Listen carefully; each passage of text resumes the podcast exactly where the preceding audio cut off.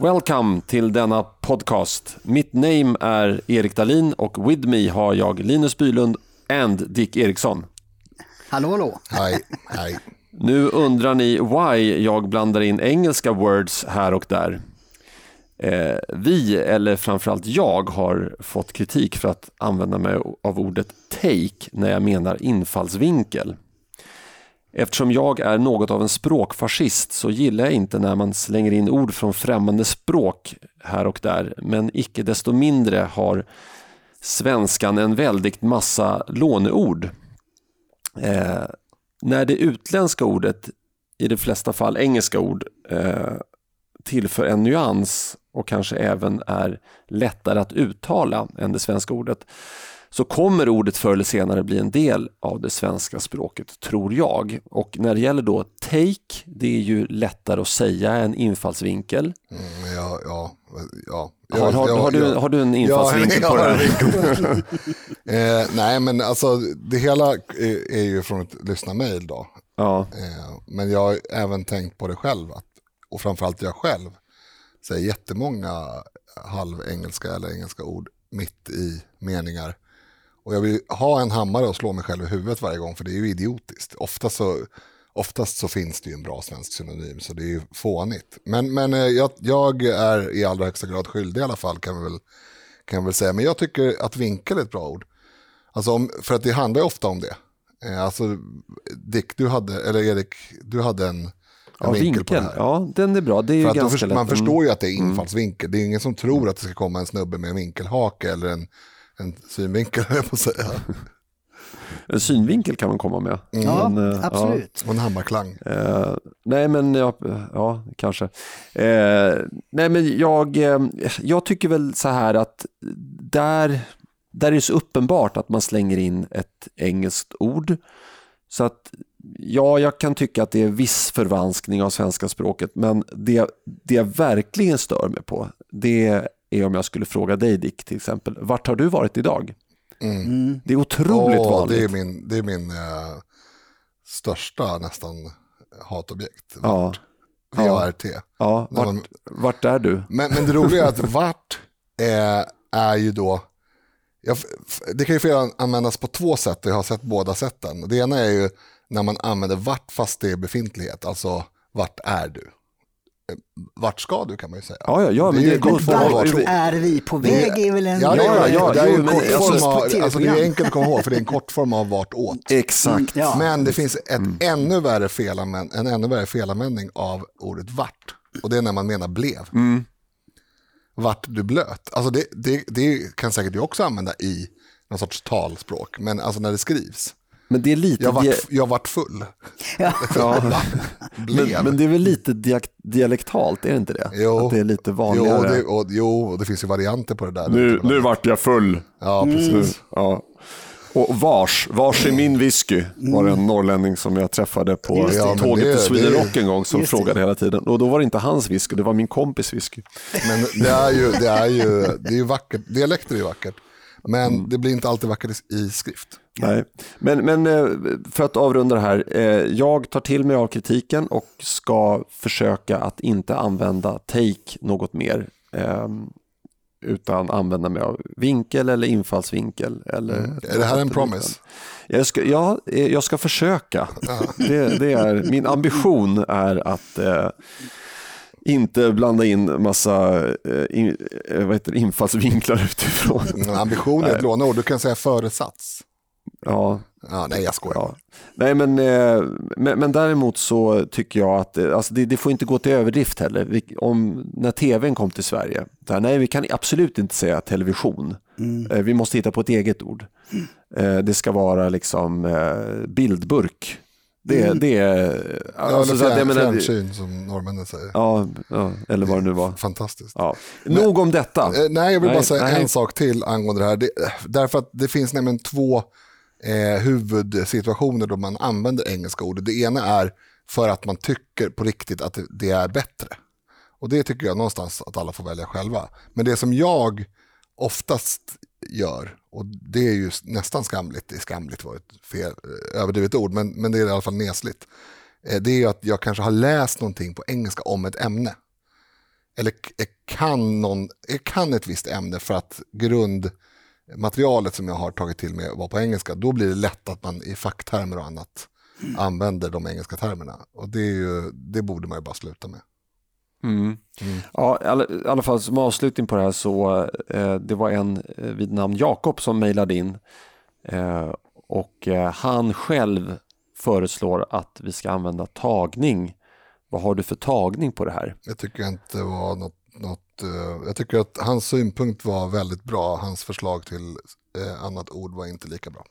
Nej, den ligger inte så naturligt i munnen. Nej, och det betyder inte riktigt det som vi menar heller. Alltså vi menar ju ett nytt, ett grepp, ett, en vinkel. Ja, ett grepp, precis. Grepp eller vinkel. ja, men Ja. då tycker jag take ändå, engelskan har en... Nej, nu blev det Du ska, alldeles för du ska inte använda text, du ska använda vinkel. Vidare nu, Erik. Ja. Dagens ämnen. Stefan Löfven försvarar arbetskraftsinvandringen och LO-medlemmarna flyr. Jonas Sjöstedt avgår. Islamister har fått bidrag på 437 miljoner kronor sedan 2016. Fremskrittspartiet lämnar regeringen i Norge. Årets vinnare i kategorin rock metal i P3 Guld moonar och uppmanar folket att rösta vänster. Allra först är det dags för avsnittet Laget runt. Dick, du får äran att börja. Ja, precis. Jo, jag kan väl säga att eh, jag hade en trevlig helg. Jag har lite konstigt smak kanske, men jag, läste Nile Ferguson var intervjuad i, Die Welt, den här tyska tidningen, inför eh, den här eh, ryggdunkarkonferensen i Davos, världsekonomiskt forum.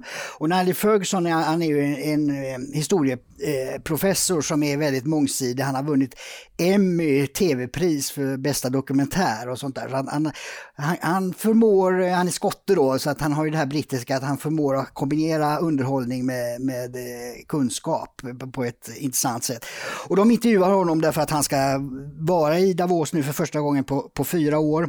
Och han får till exempel, han får mängder med väldigt bra frågor också och eh, svarar väldigt smart, alltså då blir man glad när man läser smarta, vassa och, och liksom faktabaserade svar. Det, det, det lider vi ofta en brist på tycker jag i svensk debatt. Han får då frågan att, eh, om Greta Thunberg naturligtvis eftersom hon är ett affischnamn för Davos. Nu vet jag inte om hon åker dit. Eh, jag läste någonstans att hon var sjuk men eh, jag, jag, hon kanske har Var det kamelkaravanen som... eller just hur det. skulle hon ta sig dit? Eh, Precis, jag vet inte. Nej, men då får han eh, frågan där, och, då- och då säger han att hon borde rikta sin eh, eh, retorik mot Peking och inte mot västvärlden eftersom Kina står för 57 procent av ökningen av- av CO2-utsläppen. Och eh, han får ytterligare några frågor och så säger han Greta Thunberg talar till fel människor och riktar krav till fel politiker. Alltså, det är ett väldigt enkelt sätt att uttrycka sig, vara väldigt faktamässig men väldigt tydlig. Liksom. Alltså jag älskar sånt. Liksom. Och, och de som undrar eh, vilka människor riktar sig till, då kan vi rekommendera Tobias Anderssons intervju med eh, de här människorna på Medborgarplatsen Ja, just det. och Just i, det. i Kungsträdgården. Eh, Klimataktivisterna. Mm. Just det. Eh, Så eh, får man en inblick i det. Fortsätt Dick, förlåt. Precis, nej, men sen tar han upp, eh, alltså, jag ska naturligtvis inte rabbla allt det här, men, men han, han tar upp till exempel att han eh, döpt, amerikanska presidenter brukar ju få sin utrikespolitik döpt eh, till någonting. Eh, och då har eh, Ferguson eh, skrivit att eh, Trump har en Corleone-doktrin. Vilket är ganska, och det är ju efter den här, eh, vad heter att man slog ut den här bilen som den iranska generalen Soleimani satt i. Eh, och han menar att det, det är ett sätt att markera eh, att man eh, har makten och dominansen. Eh, och, och det är precis som i Gudfadern-filmerna. Men det, och, och så lägger han till då, det här är ju inte för att starta ett tredje världskrig som ju medierna får det till, utan det är ju för att få Iran till förhandlingsbordet. Han bombar dem alltså till förhandlingsbordet så att de ska göra upp.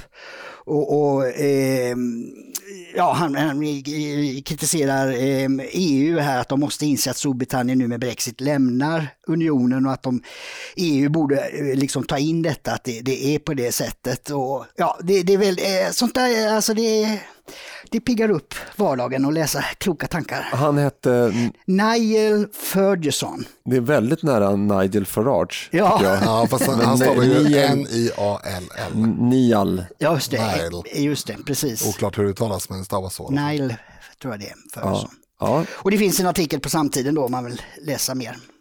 yes. Linus, du hade en liten eh, rättelse va? Ja. Ehm, ja, i, i avsnittet som vi sände i fredags, ehm, den som, det som heter eh, Asyl och asgarv. Där kom jag på det sista sekund, märkte ni det? Asyl och asgarv. Så, eh, jag lyssnade ju på det innan vi sände det för att det var ju så här klippt och sådär. Jag ville, ja, men, ja, ni som är här i rummet vet ju att vi brukar göra så ibland. För att kolla igenom att man har lagt volymer och annat rätt. Och då hör jag mig själv säga eh, Lissabonfördraget när jag egentligen pratar om och tror att jag pratar om Dublinförordningen. Då blev jag förbannad, men det var för sent då. Det var liksom om det var fredag morgon eller något sånt där, eller möjligtvis till och med torsdag kväll.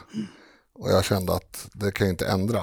Eh, så nu eh, berättar jag att jag har gjort fel, eller misstag. Men vad, vad är de olika då? Berätta. Vad... Eh, nej men Lissabonfördraget är ett mycket större fördrag. Som, eh, alltså Dublinförordningen är ju, handlar ju om det här med asyl. Alltså det som jag hänvisade till i alla fall handlar ju bara om asyl och sådär. Dublin, eller Lissabonfördraget är ju, är ju, kallades ju EUs nya grundlag när Reinfeldt skrev, skrev på den utan någon som helst eh, politisk debatt i Sverige överhuvudtaget. Det är också där som det stipuleras att alla mineral, mineraltillgångar i unionen tillhör unionen. Vilket också är så här, va? Vänta nu här, vi har liksom massa mineralfyndigheter i Sverige som vi inte bryter eh, därför att det Just förstör det väldigt inte. mycket. Ja, men de, dels för att det kanske inte är lukrativt just nu, men också för att det förstör väldigt mycket. Men eh, Luxemburg delar ju med sig av sina mineraltillgångar, Ja, får vi tänka på. Väldigt många. Ja, men det var bara rättelse. Mm, nej, men jag, jag eh, tänkte ju tanken när du sa det, att eh, ja, var, var det det? Eller, ja, men, eh, så reagerar man inte mer än så. Och, och eh, jag tänker själv när man säger någonting att ja, ja, men om jag säger fel då kommer ju mina väldigt begåvade poddkollegor att eh, rätta mig direkt. Ja. Men det, det, Nej, men jag- I det här fallet sagt så var det ju så att jag tänkte, det- inte, mm. jag tänkte inte ens på att jag sa Nej, fel. och det är ju det är svårt, det är jättesvårt att, att tänka och prata samtidigt. Ja, det är ibland är det otroligt. svårt Ja, att bara tänka ibland- alltså man är ju lite koncentrerad på vad man själv ska säga, så man eh, hör ju Ja, inte eh, på djupet vad andra säger kanske. Nej. Men Erik, du har varit på middag. Jag har varit på middag ute i fashionabla Saltsjöbaden eh, och där fick jag lära mig något nytt. Har någon av er hört talas om, nu, nu uttalar det som det låter, Dunning-Kruger-effekten? Nej. Eh, Jag, jag stötte på den när jag läste manus här. För, Ja, ja okej. ja, men eh, kanske, det kanske uttalas Dunning-Kruger-effekt eh, på engelska. Men alla fall, den går lite förenklat ut på att den som är obegåvad är för obegåvad för att inse det och överskattar därmed sin egen förmåga. Alltså man har inte förmågan att inse hur obegåvad man är. För det krävs en viss begåvning att inse det. Medan den som är begåvad inte kan sätta sig in i att andra inte förstår allt som man själv förstår och således överskattar den begåvade andras förmågor. Man tänker, ja, men om jag klarar av det här och tänker ut det här, ja men då klarar ju vem som helst av det. Mm. Och eh, jag skulle vilja tillämpa det här på ett mejl som kom in till eh, samtidigt eh, redaktionen. Det blir Okej. väldigt experimentellt och kul tycker jag. Ja, det står så här. Hejsan, tack för en sjukt bra podcast. Varsågod, det är lugnt. Tack Ja, det är själv. inga problem. Tack själv. Tack själv. Eh, lyssna varje avsnitt. Ni pratar ju en del om just invandringen och att politikerna envisas att fortsätta bedriva detta på ett negativt sätt. Nu finns det ju en hel del alternativa teorier, även konspirationsteorier om just detta. Sveb-TV är ju en kanal på Youtube som tar upp just detta. Ett exempel är att invandringen bedrivs eh, just för att arbetskraften ska kunna röra sig fritt i EU och att det i slutändan, eller det i slutändan gynnar byråkrater. Hur mycket sanning ligger i dessa teorier? Eller är det bara så enkelt som ni säger att politikerna inte har tänkt till? Mvh Robin. Ja, eh, jag tycker att vi antar att Robin är begåvad. Eh, Ja vilket bevis, det, i och med att han lyssnar på samtidigt så Mm. är han ju Det är ju en stark indikator i alla fall. Det är en stark indikator. Precis. Eh, och då tror han även att de som har bestämt att vi ska ha massinvandring är begåvade. Detta får Robin att dra slutsatsen att det måste ligga något riktigt finurligt bakom, annars hade man ju stängt gränsen för länge sedan. Mm.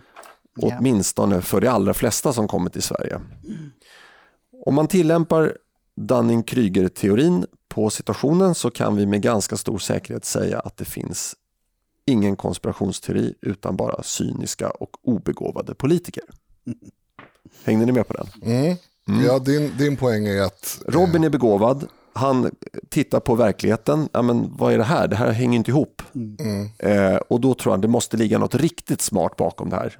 En konspirationsteori. Men i själva verket så är bara de här besluten fattade av personer som inte är lika begåvade som Robin. Om det nu stämmer, det vill säga att eh, en eh, kritisk massa obegåvade vänsterliberala politiker i Sverige och EU eh, har fattat de här eh, besluten. Så om, om de nu är obegåvade, då överskattar de här politikerna helt enkelt sin egen förmåga. Ja, det kan vi nog skriva under på. Ja. Man, man ser uppsidorna med öppna gränser, eh, så som till exempel att en eh, falafel i Malmö bara kostar 20 kronor om man betalar kontant. De eventuella nedsidorna, eh, som man för, förvisso också ser, tror man enkelt kan åtgärdas genom att bygga fler fritidsgårdar. Ja. Man överskattar alltså sin egen förmåga eh, att komma till rätta med de här problemen. Absolut. Ja, eh, hoppas att du är nöjd med svaret Robin. Eh, det var kanske lite raljerande men i grund och botten tror jag mer på den här typen av förklaring än på konspirationsteorier.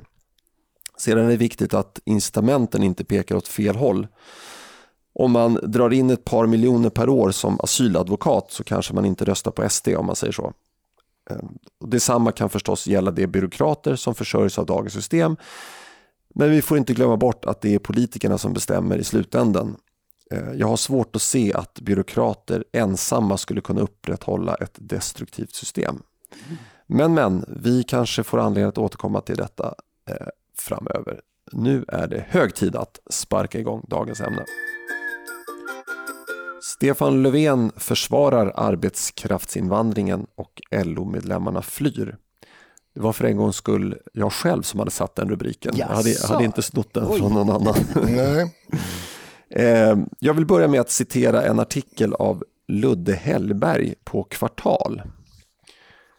Åkesson anklagade Löfven för den fortsatt stora invandringen till Sverige och hänvisade till det totala antalet beviljade uppehållstillstånd 2019, vilket var nästan 120 000. Löfven svarade när Jimmy Åkesson nu nämner en siffra på över 100 000 räknar han också in egna företagare, gästforskare, ingenjörer, civilingenjörer och IT-designers. Det är människor som vi behöver i det här landet. Jimmy Åkessons besked nu till svenska företag och svenska myndigheter är att dessa människor inte ska få komma in i Sverige. Slutcitat. Alltså, det här är ju högintressant materia tycker jag. För eh, Stefan Löfven anser alltså att Sverige är beroende av den nuvarande arbetskraftsinvandringen. Mm. Samtidigt säger LOs ordförande Karl Petter Thorwaldsson i en intervju i Aftonbladet att Socialdemokraterna inte ska ta LOs stöd för givet och räknar upp tre krav för fortsatt stöd. Det ska vara höjda pensioner, hö högre kapitalskatter och minskad arbetskraftsinvandring. Ja. Det ena benet av arbetarrörelsen säger alltså att arbetskraftsinvandringen består av högkvalificerad arbetskraft och måste fortsätta. Och det andra benet säger att om så sker så blir det skilsmässa. Jag kan inte begära att Stefan Löfven ska ta en kaffe med Jimmy Åkesson, men han kanske kunde ta en spa-weekend med Karl Petter Thorwaldsson för att lära känna varandra bättre. Eller vad säger du Dick? Ja, nej, men det här är ju Eh, ytterligare en dimension på migrationspolitiken där, där svensk politik är så oerhört förljugen. Alltså det, det, det är eh, till exempel det här med arbetskraftsinvandringen då som ju är, det, han, Löfven sa ju också att, att arbetskraftsinvandringen är större än, än eh, eh, andra, annan invandring. Eh, Och det är det ju inte. Va? Alltså, anhöriginvandring är den största gruppen på 58 000. Och arbetskraftsinvandring är 28 000. Och av dem så är 6 000 eh, var de 6 000 vid halvårsskiftet som sökte arbetskrafts, eh, för, grund av för bärplockare. Och det är Oj. inte så hög arbets, alltså, nivå på det. Eh, nu vet inte jag hur många av dem som åkte tillbaka, men det kan ju vara så att, att, att begära tillstånd för att plocka bär, då får man ju inte uppehållstillstånd och då kan man stanna sen. Men det, det, de kan ju kanske vara IT-designers i Thailand och eh, plocka Och- bär i Sverige. Ja, Så att precis. det, det, det, vet vi inte. Nej, men det, Där har ju då, så, så att, det är ju väldigt många lågkvalificerade som kommer in i Sverige och vi har ju haft uppe det här tidigare. Medan då ett annat sätt att se på det är ju som man gör i Kanada och det låter nästan som om Löfven tror att han är premiärminister i Kanada när han säger det där. För i Kanada har man ett, ett eh, utarbetat system där man eh, kollar upp att folk har kompetenser som behövs i Kanada. Och då får man uppehållstillstånd. Eh, Och det, det- ja. så det, det, eh, Sverige, I Sverige använder man eh, för, jag vet inte hur många år sedan, använder partierna ofta Kanada som exempel på att man kan ta emot många. Men det har man slutat göra. Ja. Och det beror just på det att de har väldigt Fast jag- höga krav. Jag har hört eh, ganska nyligen i alla fall Kanada som ett liksom, eh, föredömligt ett exempel och att man, man har sagt liksom, vi, måste titta på hur Kanada gör med integrationen för de lyckas så himla bra med Och integrationen. då skulle förmodligen väldigt få av de som får uppehållstillstånd i Sverige skulle få det i Kanada. Ja, eh, för att vad Kanada har gjort är att de har ju, precis som Dick säger, haft en väldigt hög tröskel avseende egenförsörjning, utbildning och andra saker. Och det har ju både fått till följd att de eh, som har faktiskt fått stanna i Kanada Eh, har varit eh, entreprenörer, företagare och på andra sätt driftiga individer oavsett eh, var de har kommit från tidigare eh, som, har, som har skapat värde för Kanada. Eh, Men det har också gjort så att eh, det blir ju en signal, det blir en signalpolitik inbäddat i det. Att människor som kommer från till exempel Somalia och vill göra sig eh, ett nytt liv någonstans och är driftiga och så vidare, de flyttar till Kanada. Medan de som inte känner att det, det är liksom primärt det som är orsaken till migration, de flyttar till Sverige. Nu var jag väldigt eh, svartvit här, men, men så är det. Alltså, just den somaliska gruppen är ett jättebra exempel, för den somaliska gruppen i Kanada jag säger inte att den är liksom fullt integrerad och så vidare, för det vet jag ingenting om. Men i jämförelse med Sverige så är det eh, milsvid skillnad mellan hur välanpassad den somaliska gruppen är i majoritetssamhället. Eh, och, och det här glömmer man ju bort. Men Stefan Löfven glömmer ju också bort att de här argumenten om att det är högutbildad arbetskraft som vi då skulle säga nej till, de, de är ju inte sanna. Och det är ju för att Stefan Löfven inte har någon koll på Sverigedemokraternas eh, arbetskraftsinvandringspolitik. Vi har ju talat för det här blåkortet som EU har, att eh, om man kommer från ett land utanför EU och vill ha ett arbete i EU, då finns det alltså möjlighet för enskilda nationer. Det här är en sak som inte är 100% styrd från, från eh, Bryssel och Strasbourg och det är att man får själv sätta den här gränsen. Hur många medianlöner eh, måste en, eh, ett arbetskontrakt eller en arbets, en anställnings, ett anställningsavtal motsvara för att man ska kunna få komma som arbetskraftsinvandrare utifrån unionen. Och jag tror vi har föreslagit från Sverigedemokraternas sida att har man en, eh, ett erbjudande om en anställning på ett företag i Sverige och det, den lönen skulle motsvara 1,4 med medianlönen i Sverige så, så får man arbets, eh, uppehållstillstånd för arbete. Och det är ju liksom, vi, vi säger inte heller nej till, det, det är ju egentligen självklart att alltså, svenska företag, eh, vi lever också i en, i en värld som, som eh, förändras väldigt snabbt och att, att ha som man hade tidigare listor på vilka titlar, snedstreck kompetenser som var eh, Bristyrken. ja. Mm. brist på och inte. Det är väldigt svårt i dagens samhälle för att det kan komma en ny innovation som gör att du måste ha en expert på koppar eh, hybrider, eller på att säga, vad heter det, legeringar som kanske var jättekonstigt för fem år sedan men nu är extremt välbetalt och extremt viktigt inom industrin. Nu, nu, mina exempel här var inte de bästa men, men poängen är att det händer hela tiden saker och då kan inte, det kan inte vara ett statligt verk som sitter och gör listor på vilka som är brist och inte utan det måste ju avgöras av lönen och ett företag som är i behov av en spetskompetens utifrån är naturligtvis också beredd att betala betala den lönen. Och då blir det automatiskt så att högkompetent arbetskraft som behövs i landet för att företagen inte ska gå omkull, de kan komma hit och arbeta. Eh, medan man inte ska kunna komma till Sverige för att eh, vända hamburgare eller städa toaletter eller något annat yrke som, som vem som helst i den outnyttjade arbetskraftsreserven skulle kunna göra. Här kommer det här med begåvning in. Ja. alltså det, det, det, men, men det är väl självbedrägeri då kanske i Löfvens fall, liksom, att han tror han är begåvad. Men han det är det inte, utan han, han tar och gör Kanadas Eh, mera begåvade modell till sin egen, men vi tillämpar inte den i Sverige. Och varför gör vi inte det? Jag tror att här ligger både det här godhetsknarkandet och jämlikhetssträvan i botten. Att en person som vill till Sverige ska behandlas lika, det ska inte avgöras av lönenivå. Alltså det, det ligger massa sådana där komponenter, politiska komponenter i botten som gör att man inte i praktiken klarar av att upprätthålla no någon kravspecifikation eller Linus, det här regelverket. Så att säga. Mm. Man, svenska politiker klarar inte av det, för så fort någon säger ja men den här personen då, den har ju då en, en lägre eh, möjlig lön, ska inte den få komma?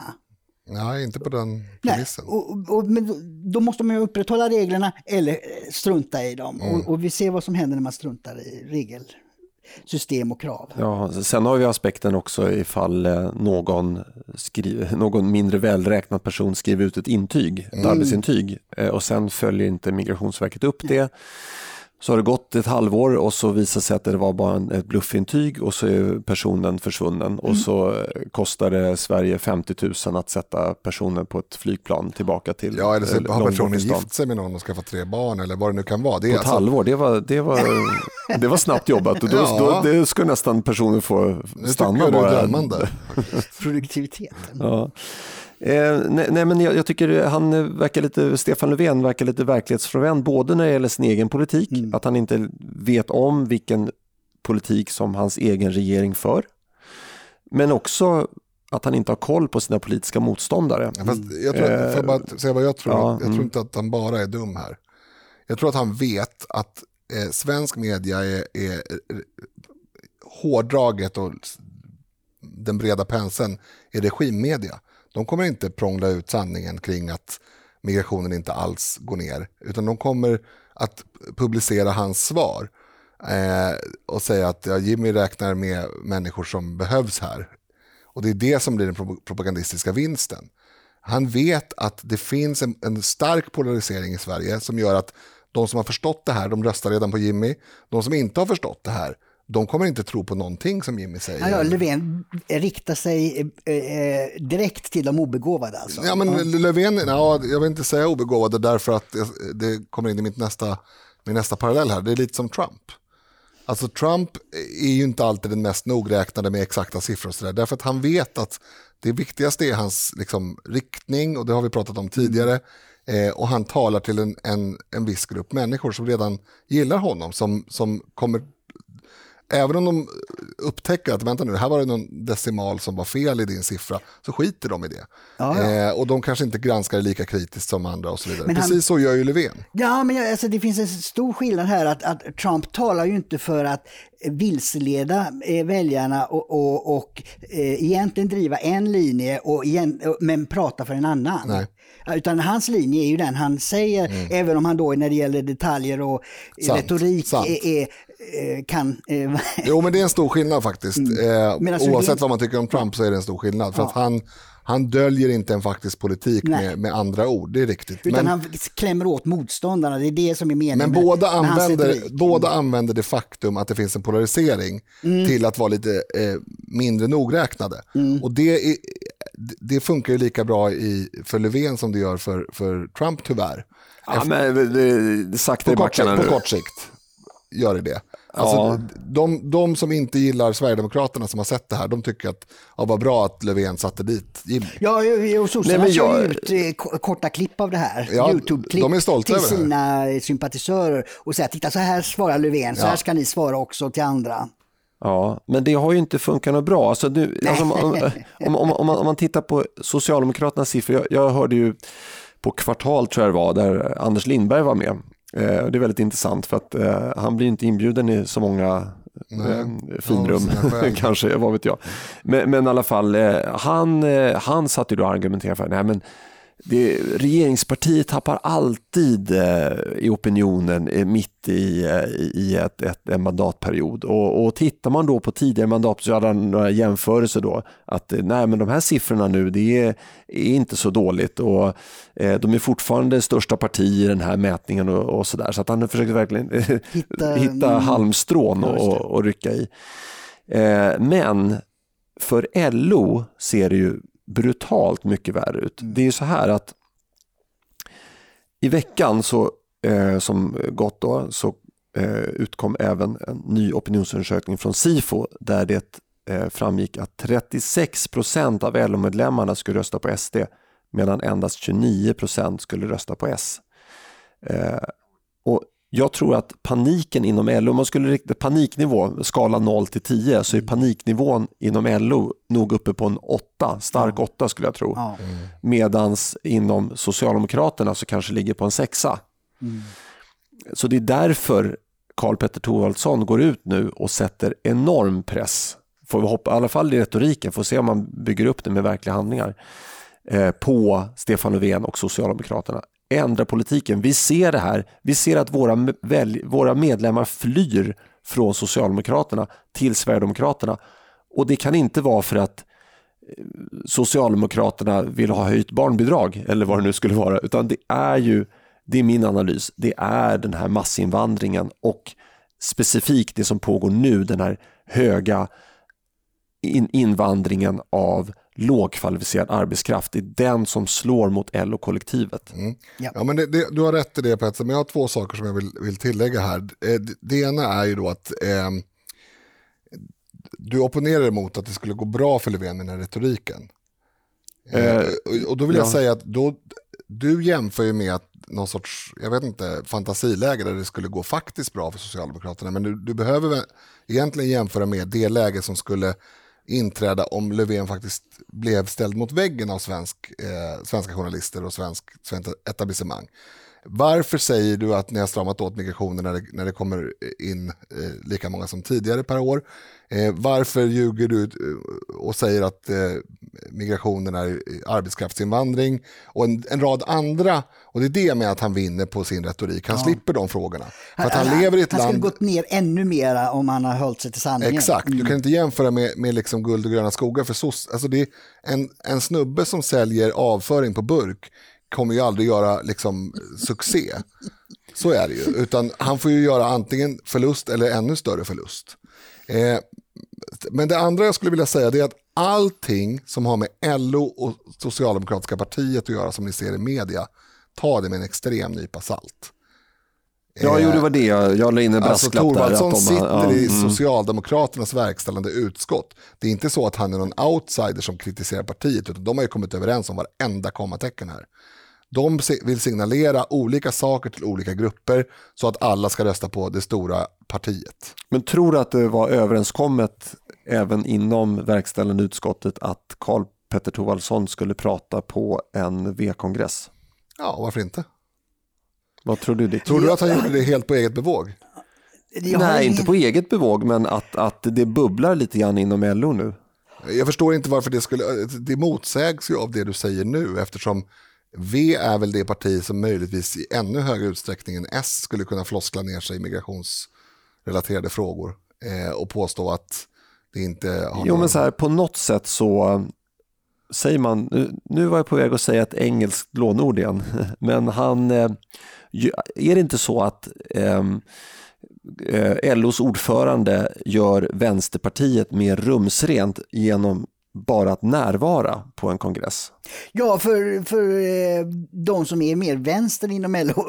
Eh, det är därför inte jag tyckte det var, eller jag tyckte det var märkligt att han var där. För att de mm, LO eh, inte har förlorat från sossestöd till SD-stöd, de är ju förmodligen mer vänster. Och de kan man ju faktiskt då förlora mot, till Vänsterpartiet. Ja. Så att det, det, det, jag jag, Nej, men det förstod jag. inte det strategiska. Fast det, den, den teorin köper jag inte riktigt, för det skulle ju kunna vara själva orsaken. Om, om man gör kalkylen att vi har förlorat alla som vi kan förlora till SD. De som är kvar är lite mer vänsterfolk. Eh, de gillar nog att vi kuckelurar med Sjöstedt. Det hade inte varit en jättekonstig analys. Ja, men varför ska de inte gå till Sjöstedt då som är mera... Mm. Men, men alltså om, om nu eh, Karl Petter Thorwaldsson, eh, om, om en del av hans uppdrag är att få så många väljare att rösta på Socialdemokraterna som möjligt, då är det ju bra att framställa Vänsterpartiet som lite halvkommunister och ja. Eh, alltså de som ligger i gränslandet det det, där. Ja. Det, det, var ju det som var strategin under socialdemokratins storhetstid fram mm. till 68. Då var man ju stenhård mot eh, kommunisterna ju, inom ja. socialdemokratin. Och, och det, det, han gör nu det är att säga att ja, men jag är här och pratar inför dem, de är inte, all, de är inte farliga alls. Mm. Mm. Ja, det kan nog finnas väldigt många orsaker. Det finns ju ja. Ganska många mindre fackförbund som är väldigt mycket mer vänster än LO till exempel och Vänsterpartiet också för den delen. Mm. Det kanske finns skäl att sända signaler till dem att vi alla är en del av samma bla bla bla, vad vet jag. Ja, vi har svårt att avgöra om det är begåvat eller inte tror jag. Nej, men, vad, men vad, vad, vad, vad, tror vi nu, vad tror vi nu om framtiden? Kommer Socialdemokraterna sätta ner foten även mot den här arbetskraftsinvandringen och strypa den? Eh, eller kommer eh, LO dra in sitt stöd till Socialdemokraterna inför eh, valet 2022? Nej, inget tror jag kommer ske. Sossarna klarar inte av att skärpa migrationen. Nej, de, de har så många vänstermänniskor i sin partiorganisation så att man, man, man, en del brukar nämna Danmark men, men det går inte. Sossarna har inte eh, folk som tycker så, därför kan de inte göra det och, och LO kommer att stanna i i, vad, vad här det, i familjen. ja, det, är bara... jo, jo, det, det, kan de göra, men samtidigt välja att inte skicka miljonbidrag till S. Jo, det kommer mm. göra. Ja, ja, men man kan ju hoppas, men jag tror ju inte Jag tror alltid ett spel i det här fallet. Och jag tror att en, en liten del av det här är, jag ska inte säga dumhet, men oförståelse. Alltså att Socialdemokratiska partiet tror att den här arbetskraftsinvandringen är genuint bra. Och då blir det svårt att komma till liksom, någon sorts insikt. De förstår inte att det finns en del av den här som är bra och en del av den här som antagligen, eh, där det förekommer eh, svarta eh, anställningskontrakt och, skadligt. Ja, och en massa annat som inte alls är bra för någon. Framförallt inte för LO eller sossarna. Men då, eh, ja, de stannar alltså kvar på det sjunkande skeppet. Jonas Sjöstedt avgår inte helt oväntat kommer Sjöstedt att flytta efter sin fru Ann Måwe som sedan den 1 september är Sveriges ambassadör i Vietnam och posterad i Hanoi. Jag tänkte dra lite kort eh, fakta om Jonas Sjöstedt. Han är 55 år gammal och har suttit som partiledare i nästan exakt åtta år. Han engagerade sig redan 1978 politiskt genom att gå med i Kommunistisk ungdom, det vill säga dagens Ung Vänster. Han engagerade sig på nej-sidan i EU-omröstningen 94 vilket ledde till att han året efter ställde upp i Europaparlamentsvalet. Där satt han faktiskt längre än han hittills suttit i riksdagen. Ja, eh, ja eh, han fick väldigt fina vitsord även från eh, politiska motståndare i förra veckan. Vill ni, eh, Linus och Dick, också stämma in i den lovsången? Eh, Linus? Ja, men, ja, det är inte viktigt för mig att börja, men jag kan göra det ändå. Eh, alltså, det är ju superbra att, eh, att Sjöstedt lämnar eh, För vem? För oss. Eh, därför att Sjöstedt, alltså Ål, Lars Ohly var ju en osympatisk jäkel. Rakt igenom. Eller är antagligen, jag vet inte, han, är, han lever fortfarande så att säga. Medan eh, Jonas Sjöstedt är mycket mindre osympatisk. Han, han, jag ska dock säga att han är lite av en dubbelnatur, för att i debatter så kan han vara väldigt, väldigt osympatisk och väldigt vad säger vänsterarg, arg vänster. Eh, mm. det, men det är, alltså, Jonas Sjöstedt är ju en fantastiskt skön, varm och intelligent och rolig människa. Eh, och det tror jag folk ser. Nej. Nej, okej, okay, då har vi din, din, din, din, vinkel på det sen. Eh, men, men jag har suttit ner med honom några gånger, eh, inte på tu man hand, men i, mindre sällskap. Och eh, jag tycker han är supertrevlig. Eh, och det är därför jag säger att det är dubbel natur, för att i debatter och sådär så tar han ju på sig den här arga partiledarmanteln som man måste ha i, i Vänsterpartiet för att inte bli, bli lynchad. Men, men eh, på det hela taget så, och i relation till andra vänsterledare så har han ju varit bedrövligt dålig för Sverige eftersom han har lett Vänsterpartiet ganska väl. Mm. Nej, men jag har ju bara den officiella bilden. Mm, jag, jag, har aldrig träffat honom. Eh, däremot har jag träffat Lars Ohly och, och, han var inte så jävlig då. Eh, alltså utanför Nej studio eller, eller så. Så att, eh, ja, det är väldigt kort tid så man ska inte dra några slutsatser på det. Eh, men jag retar mig på det här att han fortfarande håller på och kör det här med rötter och annat eh, mm. sån där lögnaktig propaganda mot Sverigedemokraterna. Alltså, jag, Fast om du ska kräks. ha det som krav för att gilla en svensk partiledare då måste du hata alla. Ja, ja. ja men det är ju... Det är Nej, men alltså, jag tycker ja. det är så oärligt att dra upp sånt som man vet är lögn. Då ska man ange- och, och, och, tack och lov, svenska folket går ju inte på det. Sverigedemokraterna har ju vuxit som tusan trots att de har hållit på på det där viset. Utan ska man göra någonting, eh, eh ja, om man utgår från sig själv, om jag tycker att någon som till exempel Vänsterpartiet är ett eh, dåligt, eh, för en dålig politik, då, då, då angriper jag ju den och, mm. och, och pekar på att de här, de, de här bristerna finns och det här leder till Eh, en sämre välfärd. Och, och, och, och in, inte eh, håller på med att säga att eh, ni kramade Stalin och ni... De, de har ju faktiskt mycket väl historia, alltså mm. faktiskt en historia från, från tider då, då de eh, hyllade, vad heter han, Lars Werner var ju och gratulerade DDRs Erik Honecker strax innan muren föll. Va? Mm. 88-89. Hoppsan.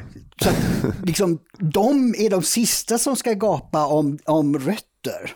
Så att, jag eh, blir upprörd av just den ohederlighet som demonstreras av den person som framför en sån sak. Även om det, jag vet att många tycker att det som sker i debatter ska man eh, se på ett annat sätt än, än, när man pratar i ett samtal eller ja, någon annan sak. Men jag tycker inte det. Man kan inte vara ohederlig även i en offentlig debatt. Nej, men jag håller med 100 procent, men, men när jag någonsin säger någonting om någon annan politiker som inte är sverigedemokrat eh, så är det med en massa om och men som jag ja, inte ja. nödvändigtvis behöver säga. Alltså det är självklart att jag tycker att, att hans retorik gentemot oss är helt vedervärdig och bedrövlig. Det, mm. det ska inte behöva sägas.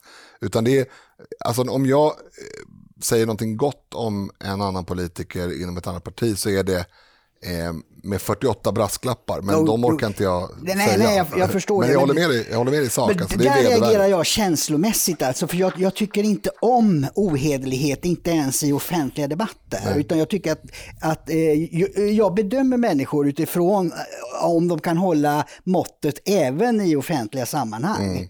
Och, och de som gör det, sen kan de vara då hur långt ifrån mig som, eh, som helst i, i åsikter om eh, ideologi och så vidare. Är de hedliga, då har jag all respekt för dem. All ja, men, respekt. Ja, nej, men jag, jag, tycker att övriga partier har ju behandlat Vänsterpartiet respektfullt. För när de släppte K1 i VPK någon gång 90-tal, mm. ja, tidigt 90-tal. Ja. ja. Det tog inte så lång tid innan faktiskt eh, motståndarna slutade kalla dem för kommunister. Och då har de ändå kallat sig själva för kommunister. Ja.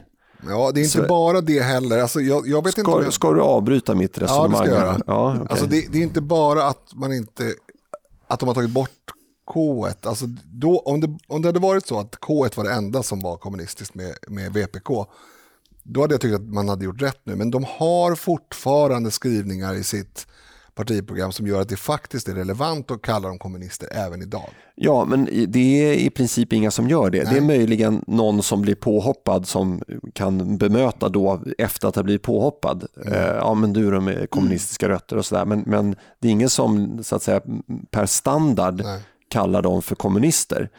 Eh, däremot så säger, kallar Jonas Sjöstedt MKD SD för det blåbruna gänget. Mm. Det är och, också sån där ohederlighet. Ja, och, och, SD har ju aldrig officiellt på något sätt klistrat den bruna färgen på Nej. sig själva. Det är en sak om, om man hade det första tio åren i partiet. Mm. Ja, vi, har, vi, vi är officiellt eh, brun, eh, mm. brunskjortor liksom och sen släppte. Jag menar då, men det finns ju ingenting. Nej. Så att det, och var... ja, det jag menar, att det finns två ja. lager. Det ena är att Det ena är att vi aldrig har kallat oss något sånt, det andra är att vi aldrig har varit något sånt. Ja. I, i eh, Vänsterpartiets, för Vänsterpartiets del så är det att de faktiskt är det fortfarande och har kallat sig det fram till ganska nyligen politiskt sett. Jag, jag skulle inte vilja kalla dem för kommunister. Men de Eh, har alltså ty- i sitt partiprogram att på sikt ska man avskaffa, avskaffa allt privat ägande. Ja, just det. Alltså det Ja. är ju, vad, vad, Ja. tänker du att det är? Jo, förlåt. Jag, men de, de är på väg att ta bort det, hörde jag nu. Men det är att, inte bara eh, det, det de, finns fler parametrar. Ja, alltså, okej. det finns massor av aktiva vänsterpartister som kallar sig kommunister. Alltså om man skulle kalla sig någonting som hade någon brun koppling i vårt parti, då skulle man ju åka ut med huvudet före. Mm. Det är så otroligt stor skillnad, även i sak menar jag. Det var bara det jag ville ha sagt. Ja. Ja. Ja, eh, en sista fråga här då. Eh, Vad tror ni skulle hända ifall Vänsterpartiet valde en partiledare som inte sysslade med smutskastning och identitetspolitik? Finns det en sån kandidat, Dick?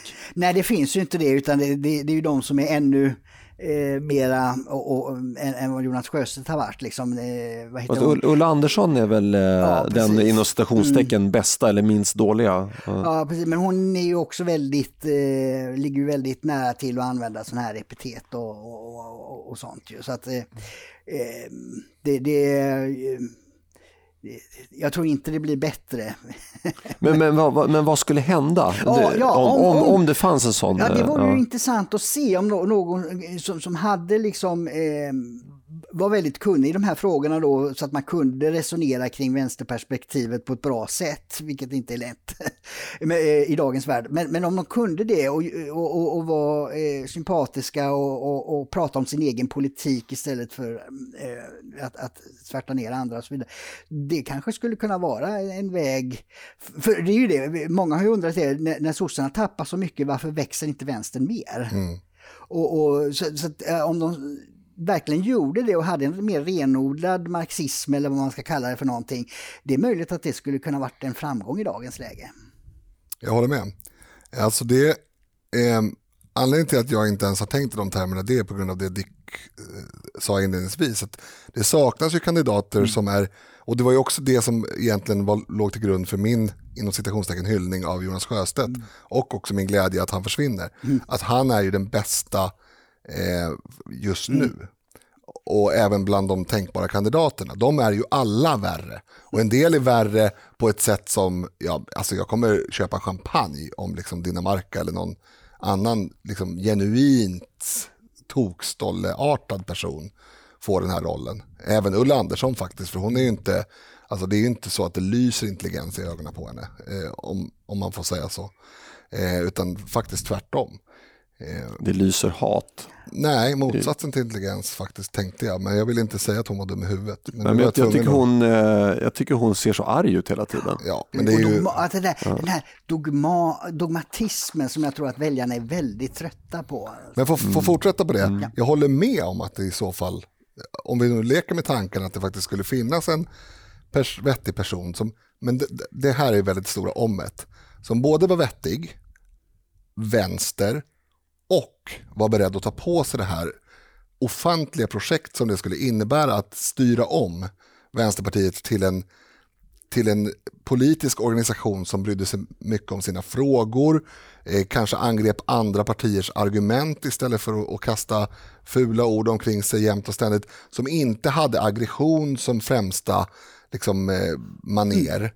Eh, för det har de ju faktiskt idag, alltså allt ifrån liksom, ung vänsterprofiler till riksdagsledamöter i vänstern och då partiledaren eh, i debatter har ju en aggressiv och nästan Alltså, det är nästan så att det lyser lite galet i ögonen på dem. Till och med Jonas Sjöstedt som då är en ganska varm och sympatisk person egentligen eh, tar ju den rollen väldigt bra. Han ser ut som en, jag vet inte vad, alltså alla som inte är hardcore, förlåt, hårdkärna vänster, eh, eh, tycker ju att det är lite skrämmande.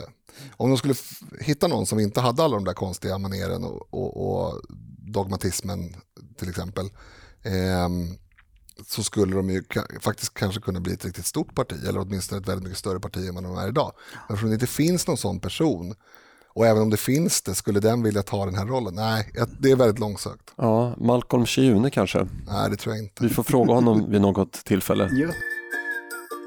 Islamister har fått bidrag på 437 miljoner kronor sedan 2016. Det här är en nyhet som du vet lite mer om Dick. Just det, och det är inte bara sen 2000, utan det är under 2016. Så att eh, jag, jag, fick... Eh, Var det under 2016 Ja, bara? just det. Precis, under ett år. Eh, det var Magnus Ranstorp som eh, twittrade om eh, och gav en länk till, till doktoranden i, i teologi i Lund, Same Egyptsson, jag tror det uttalas så, eh, som har skrivit en bok om, eh, som heter Holy White Lies. Eh, och där han har gått igenom framförallt då, Islamiska förbundet i Sverige. Eh, som då har, är, är någon sorts spindel i, i mängder med, med muslimska organisationer i Sverige. Och eh, han har gått igenom då på personnivå och konstaterat att några få islamister kontrollerar alltså statsbidrag på eh, minst 437 miljoner under ett enda år plockar man ut. Nästan en halv miljard kronor, några få islamister. Och han rabar upp dem då, det, är det här studieförbundet Ibn Rushd, eller vad det hur, jag kommer inte ihåg hur det uttalas. Eh, 35 miljoner där. Svenska eh, islamiska skolor plockar ut utav kommuner 316 miljoner under 2016. Men där har, får jag avbryta det? Där har de ju även kostnader. Ja, jo, självklart har, precis. Där, där har man ju ver- verksamhet också, så det är en liten blandning här. Men den största bidragsmottagaren är Islam Relief. Eh, som då 2016 plockade ut eh, 93 miljoner kronor från Sida, Forum Syd, regeringen och Radiohjälpen. Så Sida ger bidrag Ja, till en största. organisation som verkar i Sverige? Eller Ja, är det här... Ja, nej, det, är, ja, det är ju en sorts hjälporganisation så de har naturligtvis kostnader också. Eh, men, men det är frågan om vad- de använder dem till. Eh, och, och där kan man säga, jag eh, försökte kolla, för det här är ju 2016 då och det är ju ofta så med ekonomi, man måste gå några, det, det tar ett tid innan, innan det finns dokumenterade siffror. Men jag, jag hittade för Islam Relief hittade jag eh, årsredovisningen för 2018. Och då hade eh, anslagen ökat med 58 procent sedan 2016 till 148 miljoner kronor till den organisationen bara. Och det är då, och där står Sida också för största delen då 124 miljoner kronor. Så att eh, trenden är ju liksom inte vikande sedan 2016 och det, diskussionen om eh, liksom vad använder de här organisationerna pengarna till. Va? Och, och han eh, har i eh, samma med eh, Egyptsson där han tar upp det här, eh, påminner om sin bok eh, eh igen här, så, så är det bilder på både Göran Persson och Fredrik Reinfeldt då när de var statsminister som träffar de här personerna. Så de är ju extremt skickliga på lobbying kan man säga. Och, eh, och Magnus Ranstorp, då, den här terrorforskaren, han, han skriver då på, på Twitter då att eh, de, då nästan en halv miljard av allmänna medel då har gått till tre organisationer tillhörande ett litet kotteri med personer som är kopplade till Muslimska brödraskapet. Oförsvarligt att tidigare statsministrar och politiker varit så aningslösa och naiva. Och det har som sagt inte minskat sedan 2018 utan utvecklingen är ökning, ökning, ökning. Ja, det, det, är- man blir nästan stum alltså. Mm, Ja, exakt. Eh, Man vill ju säga saker som, som eh, inte är så intellektuellt eh, korrekta. Då.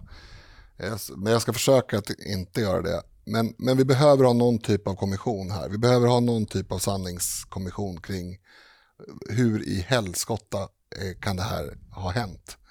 Och antagligen så är det inget lagbrott som har begåtts. Nej, nej. Så vi kan inte ställa någon inför rätta, tyvärr, säger jag. Det var min första reaktion, nämligen att, att de här människorna ska ju buras in. De som, de som, eh, eh, har, som handhar eh, svenskarnas pengar på ett sånt eh, flagrant eh, slarvigt vis. Eh, men men eh, vi behöver i alla fall någon typ av utredning, någon typ av kommission där, där vi pekar ut de här människorna. Där vi hänger ut de här människorna. Där vi hänger ut de här statsministrarna, de här statsråden, de här tjänstemännen på Sida. Eh, och det här är ju bara ett fall, alltså vi pratar om eh, pengar från Sida. Det finns ju miljoner tyvärr eh, liknande eh, slarv runt om i landet under de senaste 30 åren. Men vi behöver göra det. Vi behöver sätta oss ner och kategorisera. Vi behöver ha en, och och helst ska inte det, det här ske från politiskt håll, utan helst ska det här ske från medialt håll. Vad har ni ställt till med och vilka är ansvariga för det här? Så gör man ju när regimer så att säga gör bort sig. Eh, så har man ju alltid gjort när det har gått åt skogen för olika ideologiska avarter som mm. mångkulturalism är. Mm. Att man har dragit fram de ansvariga ljuset och sagt att de här, här är de som gjorde det. Mm. Ja. Problemet här är just, som han också visar, det, det är ju att, att, det finns ju då statliga bidrag att hämta ut för studieförbund och studiecirklar. Det är en väg. Det finns då genom eh, olika typer av, av, skolverksamhet på kommunal nivå och så har du då Sida, statliga myndighet. Så att, det är ju det att det är ju eh, några få personer har riktat sig till alla som har någonting att dela ut i, mm. i, av skattemedel och gjort det då jag tror de har gjort perfekta mm. ansökningar. Mm. Mm. Så att det stämmer med de ursprungliga reglerna. Men eftersom det har med eh, religion och, och, ideologi att göra så är liksom inte svenska myndigheter eh, beredda på att det kan finnas en utstuderad Eh, Eh, tanke att plocka ut de här pengarna för, för att använda dem till del, delvis annat. För de måste ju redovisa här också, så de, de gör säkert en hel del av, av det de eh, eh, säger sig göra. Eh, men de kan ju under den verksamheten i skolorna till exempel använda det för att propagera för sin eh, fundamentalism. Ja, eh, bra, bra övergång till vad jag skulle säga. Jag, jag, I sådana här fall så tycker jag att det, är det är, lite, det är lite tölpigt men jag tycker att det är enkelt och bra och pedagogiskt och klokt. Byt bara ut islamism här mot nazism. Mm. Så blir det ganska självklart hur man borde agerat från början. Alltså om det är skolor som är, ägs av nazister och drivs av mm. nazister som vill ha en massa pengar, då, dra, då skulle ju folk dra öronen åt sig. Ska, ska vi verkligen ge pengar till att de ska indoktrinera barn? Mm. Ska vi verkligen ge pengar till att de ska ha en, en egen hjälpverksamhet för vad det nu kan vara? Mm. Nej, det ska vi naturligtvis inte. Och det är samma sak här, alltså en extrem, alltså att ta, en, att ta politik, eller förlåt, religion till ett politiskt plan, det måste alltid vara no-no i mm. Sverige. Alltså om man, om man, om man eh, förordar islamism på något plan, oavsett om det är specialmat i skolan eller något annat politiskt, då, då ska man bli betraktad som en politiker. I det här fallet en, en politiker med fundamentalistiska eh, grundidéer. Ja, som riktar sig mot det svenska samhällets grundvalar ja, ja. så att säga. Det, det, det, det, Fast gör, de, därför... gör de det? Alltså det, det är ju många som gör. Eh, alltså det är väl... Alltså, det, jag, jag, jag, tror att om man skulle införa en sån regel, eh, då skulle de navigera rätt. Då, då skulle de säga att ja, men, eh, det är kärlekens religion. Alltså, du, du vet, det, ja, det, jo, det, det, det, det är så eh, det, utan, halt, ja. ja mm. utan det, Misstaget som har begåtts här, det är att varför, man har... varför säger du så?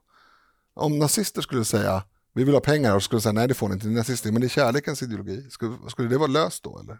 Jo men ja, alltså det där kanske skulle finnas en större vilja politiskt att dra in mm. bidrag. Du, där är du inne på en viktig sak. Men det var ju det jag menade. Ja, det, ja, det, ja. Det, jag, jag, tror det är där det handlar om. För att i, igår, alltså tisdagen, eh, vad blir det, 21 januari, var ju 18-årsdagen på att eh, Fadima Sandal blev mördad då i hedersvåld. Och då uttalar sig väldigt många om att vi ska bekämpa hederskultur och annat. Men samtidigt pågår det här. Va? Mm. Alltså pengarna rinner ut till de som står för sånt. Och det, det, det är liksom den eh, dubbelheten mm. eh, eh som, som, vi måste diskutera. Och sanningskommission är ju ett sätt att, liksom, att få upp det på bordet. För att, i varje enskildhet så, så har säkert ingenting eh, gjorts eh, fel kanske. Men, men eh, liksom som, he, som ja, utifrån ett helhetsperspektiv så, så, så, är det ju här fullständigt emot vad, vad, vad, det offentligt sägs att vi ska göra. Men om, om vi tar upp de här delarna, eh, vi börjar med skolan. Eh, om, vi har väl, om Sverige har välkomnat en massa islamister till Sverige, de kan till och med ha stått vid gränsen när de söker asyl och säga att hej, jag är islamist. Mm.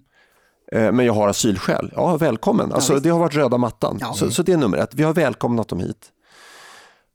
Och vi har också eh, en rätt i Sverige att starta friskolor. På samma sätt som att eh, kristna skolor får hänga upp kors i korridoren så får de här säkert hänga upp islamistsymboler. Mm. Det är väl ingenting som säger det. Och man kan också i viss mån eh, väva in det här. Det ska, det ska vara en icke, skolan ska ju vara icke-konfessionell men det kan ju vara det att jag idag eh, ber vi, eller idag eh, uppmärksammar vi att eh, jihadismen eh, vinner mark i Sverige. Liksom. Eh, eller, eller i världen. Alltså, de, de kan hitta på vad som helst. Precis på samma sätt som att... Plus, eh, plus så, att som att där nu, nu får jag slutföra. Men precis på samma sätt som att eh, kristna skolor kanske ska säga att eh, vi har haft en lyckad missionsrunda i Afrika. Alltså man, man indok indoktrinerar barnen och det har aldrig varit något problem så länge det har varit kristna skolor. Det är nu det blir problem. Men varför skulle inte de här människorna som vi faktiskt har välkomnat i Sverige kunna föra sina traditioner och åsikter vidare i, i skolverksamheten? Eh, ja, I alla fall, eh, nu sitter det bara, ni, det här är ju radio så att ni, ni ser inte vad som händer där, men både Dick och Linus vi- vif- viftar frenetiskt. Men Okej, vi kör Linus, jag, jag ska slutföra Eh, sen. Jag har massa saker att säga, men, men det ena är ju att jag tycker inte att du ska säga att vi har välkomnat dem. Därför att jag tror inte att, eh, det är också en del av en Sverige har välkomnat det är också en del av en sanningskommission. Vem är det som har lyckats göra det här? Jag tror inte att det har funnits något folkligt stöd för, för den typen av migration någonsin i Sverige. Inte någonsin. Jag tror aldrig det har varit annat än rakt emot folkviljan. Och det är också så här, vem var det som, vilka journalister spred de här lögnerna? Vilka, eh, vilka makthavare tog de här besluten bakom ryggen på, på människor och mot eh, vad man antagligen visste var som folkopinionen? Men nu- Vem är ansvarig helt Ja, enkelt? nu, jag, jag, jag har förstått det, men du, du menar alltså att man ska låta det här systemet fortgå, men man ska ha en sanningskommission och ställa folk till Nej, svars? nej, men jag förstår vad du far efter och det är klart att men det, det kan man ju ganska enkelt eh, eh, kanske inte stoppa helt men göra väldigt, väldigt mycket säkrare genom att eh, helt enkelt sk- skriva in policydokument om att de här pengarna ska inte gå till någon som har någon anknytning till någon våldsbejakande eller antidemokratisk bla bla bla. Ja, Dick. Dick. Nej, men jag, jag tror inte det räcker. Det, det, det, det räcker. Alltså, de, de, här människorna kommer, hur man än skriver reglerna, att, att få- eh, lyckas prångla ut de här pengarna. För att eh, det, det som är problemet med islamism är ju att det är liksom en, en eh, kultur som, hur ska jag uttrycka det? Eh, alltså, eh, Turkiets president Erdogan sa det ganska bra. Eh, hans, eh, när han var öppet extremist så blev ju hans parti förbjudet då, av den turkiska armén. Då skapar man en ny, då det här AKP-partiet och, och var demokrater. Och då frågar man, men varför är du demokrat helt plötsligt? Du, du är ju islamist och eh, politik är ju underordnat religion. Det är ju monolitisk, ja det är inte rätt ord att använda, men alltså det, där är ju politik och religion ett och samma. Och då sa han det, demokrati är som en spårvagn. Man reser med tills man har nått, nått målet, sen stiger man av. Så hela det svenska systemet är bara ett, en enda metod för islamister att komma över så mycket pengar och makt som möjligt för att sen spränga skiten. Alltså, de är inte demokrater, de vill inte ha demokrati. Koranen står vad som gäller. Riksdagen ska inte bestämma någonting. Koranen eh, står det vad som gäller och det är det de vill ska gälla här också. Alltså, man, man är liksom eh, ja, infiltratör eller hur man nu ska uttrycka det för någonting. Där man använder det öppna samhället för att störta det. Mm, det, så kan det mycket väl vara, Linus. Jag skulle vilja säga att dels har Dick rätt, men också att det, det är ju någonting som går igen i andra extremistgrupper också. Ja, Att man, ja, ja. Man, man, alltså, Men ingen är så skicklig att förena. Nej, och ingen är så stor. Religion, man det här är religion Ja. och då får man inte kritisera längre. Nej, men jag menar själva tankesättet, att vi, vi gör det här, vi hoppar på den här spårvagnen, demokratin, eh, för att komma till en annan station där vi kan gå av den här spårvagnen. Och, för det gäller ju även, ja, de kristna grupper finns det inte särskilt många, i alla fall inte i Sverige, men, men låt säga nazister eh, och även kommunister. Alltså, det, det är ju alltså extremerna, eh, oavsett om det är islamister eller kommunister, har ju den synen på, på liksom det, den parlamentariska demokratin, att det är, det är ett medel för att nå till ett annat mål. Exakt. Men, men, men grejen är ju så här att eh, säg att, att vi inte hade haft någon invandring alls, eh, alltså mer än kanske så här hög eh, kvalificerad arbetskraftsinvandring och, och, och så, eh, sedan 1975. Och så skulle man försökt eh, värva så många till nazismen som möjligt. Alltså hur karismatiska ledare man än hade haft, man hade inte lyckats värva mer än kanske en halv procent av Sveriges befolkning till att bli nazister. Eller liksom hårdföra kommunister, kanske några procent fler. Men här har vi alltså välkomnat folk utifrån som redan är fostrade till Ja. islamister. Ja. Ja. Eh, Så att min eh, analys av det här det är att vi eh, i och med att vi kan ju inte gå, gå ut i stugorna eller i förorten och säga att nu får inte ni vara islamister längre. Det, det, det går inte. Eh, utan vi måste omedelbart stoppa inflödet. Vi måste, folk måste i princip ha ett papper vid gränsen och säga att här är ett intyg på att jag inte är islamist. Och, och det, det, det intyget kanske inte går få fram. Och då är det, ja, mm, nej, nej. men- nej, och då, då, är, då är det stopp. Och sen måste Sverige också, vi måste fråga oss själva, är det här önskade företeelser i Sverige? Exakt. Ja, och är det inte det, nej, då tycker jag vi ska arbeta aktivt för att återbörda de här personerna till där de kommer ifrån. Eh, Och är det så att de har medborgarskap, kanske bara svenskt medborgarskap, då går det ju inte såvida inte det liksom... Och det Ja, går Det här har vi är om inte det att det är tidigare. Ja, olagligt det är heller. samma mekanismer. Och det, och det, det är därför det är inte heller olagligt att, att, att eh, ansöka och göra som, som, som man har gjort. Utan grundproblemet här är, är, är att man har man kan bara möta ideologer med ideologi.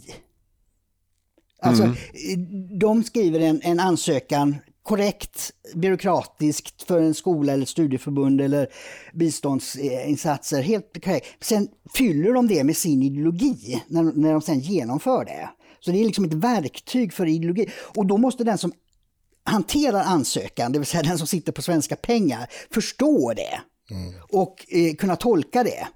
Och det klarar inte en enda svensk byråkrat av idag, för alla är nihilister. Nej, men skulle de göra det, då skulle de, då skulle de bli av med jobbet. För att Ja. Mm. om, om ansökan är korrekt och de inte får ut pengarna, Precis. då, då, då Och måste de precis, ju... och det är ja. därför det här är, måste upp på politisk nivå. Det, Ja. Och det är det som gör det så svårt. Därför att det kan bara ske när eh, partier som förstår det här kommer i regeringsställning.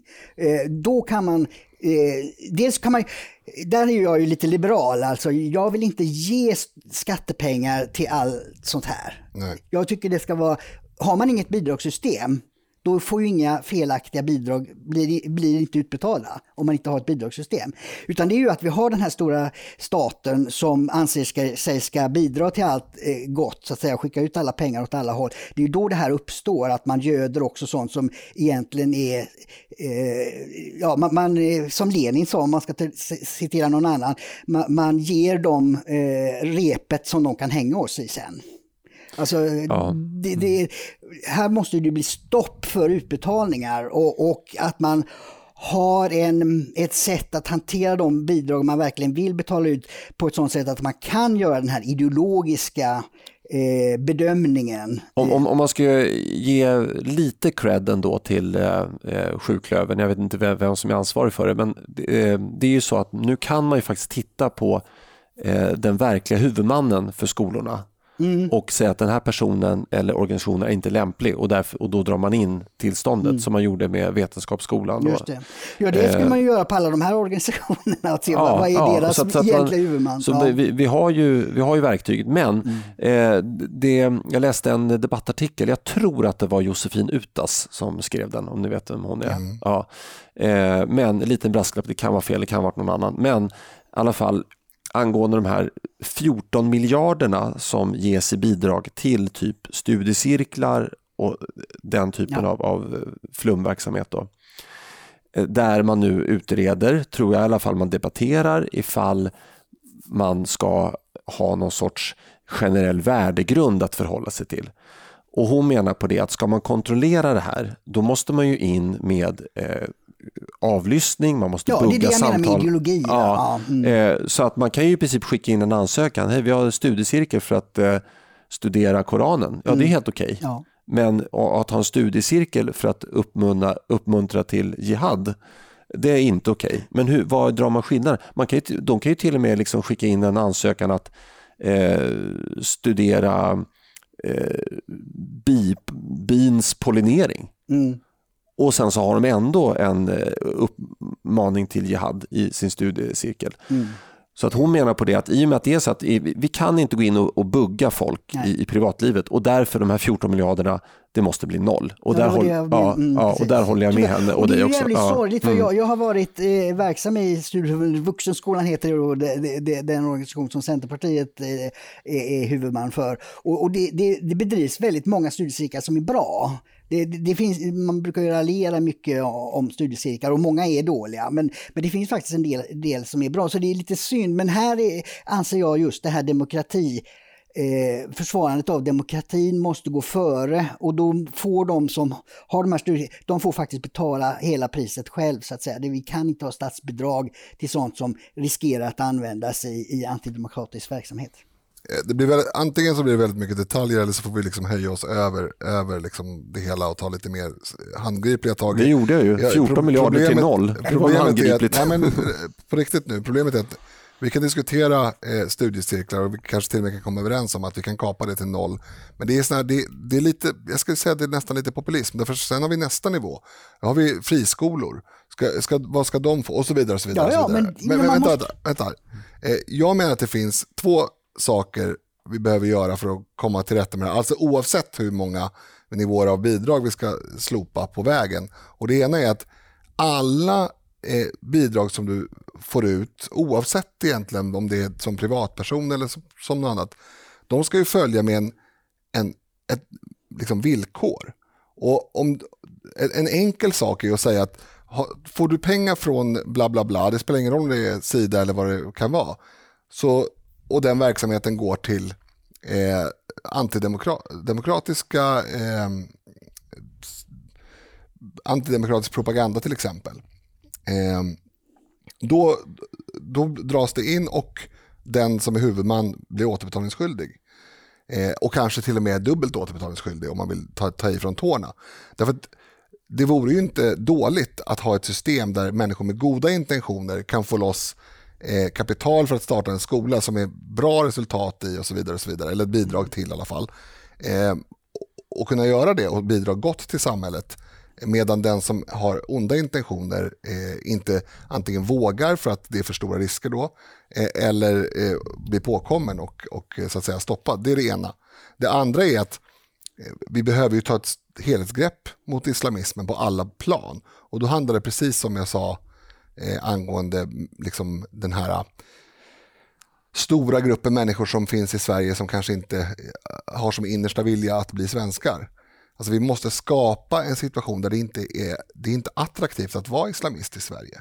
Det mm. finns inte särrättigheter i skolor, det finns inte, det finns inte en massa liksom bidrag att hämta här och där, det finns inte en massa fullskaliga moskéer med minareter, såklart inte, det är ju helt galet att det ens finns det.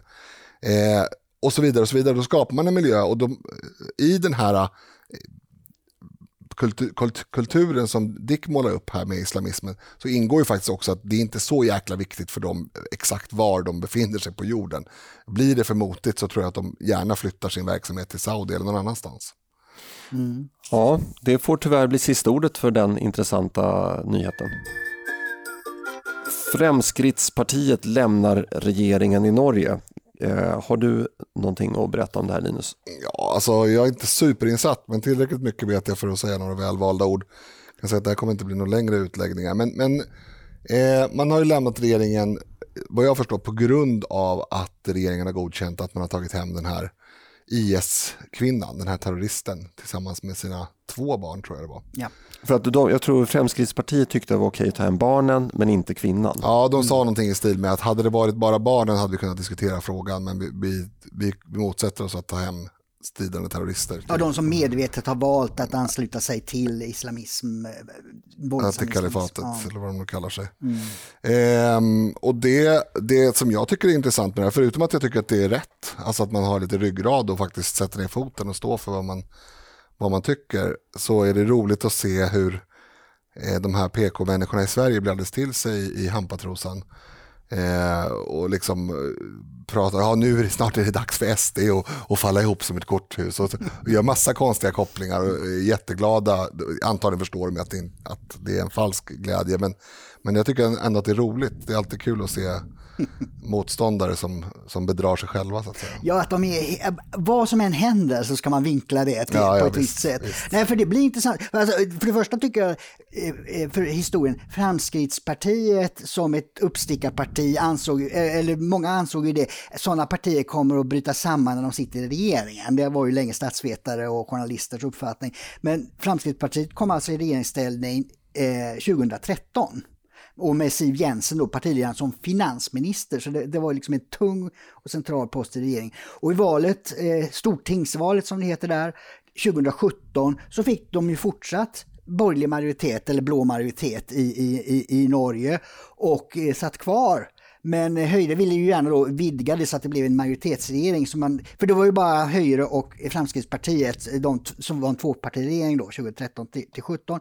Höjre ville gärna ha in de här två andra små borgerliga partierna som man hade förhandlingar om detta och eh, de gick in i regeringen då så att det har varit en fyrpartiregering nu eh, de senaste två åren. Och eh, där har ju, eh, vad heter det, Framskrittspartiet trivs lite sämre då för att det blir ju så, det blir fler röster och mer, mer röster och, ja, åt det vänsterliberala hållet så att säga. Så att många har ju inom partiet eh, börjat tycka att eh, nu börjar det bli lång, länge nu när man har suttit sex år i regering. Och, och så dök den här frågan upp. Va? Så det, blir, ja, och det sa hon väl också att det här blev droppen som fick bägaren att finna. Men då är det ju så, många kommentarer i Norge är ju det att eh, ja, eh, alla, vad heter det, Anna Solberg kommer sitta kvar som statsminister eftersom det är en blå majoritet i, i parlamentet. Och eh, det har ju Siv Jensen också sagt att hon, hon gärna ser. Men eh, vilken roll får Framskrittspartiet som eh, nu då utanför regeringen men som tungan på vågen i parlamentet? Mm, det kanske Då kan alltså få, st- menar flera kommentatorer, större inflytande på regeringen. Eh, bara säga, som man alltid ska säga när man pratar om, om svensk journalistik kring Norge, att det är ju inte riktigt sant det här att, eh, att Fremskrittspartiet skulle vara ett systerparti till Sverigedemokraterna. Det är ganska mycket som skiljer. Eh, man skulle kunna säga att det finns en falang inom Fremskrittspartiet som är en syst, ett systerparti till Sverigedemokraterna, men det är en annan sak. Eh, Jag kommer ihåg att de kom ju ungefär samtidigt som Ny Demokrati. Men Lyckades med, lite bättre tror jag. lyckades lite bättre. Ja. Men, men det är ju faktiskt alltså, att Sverigedemokraterna har eh, fått så stor eh, eh, opinion eh, framgång. Det är ju tack vare att media avlivade ju Ny Demokrati.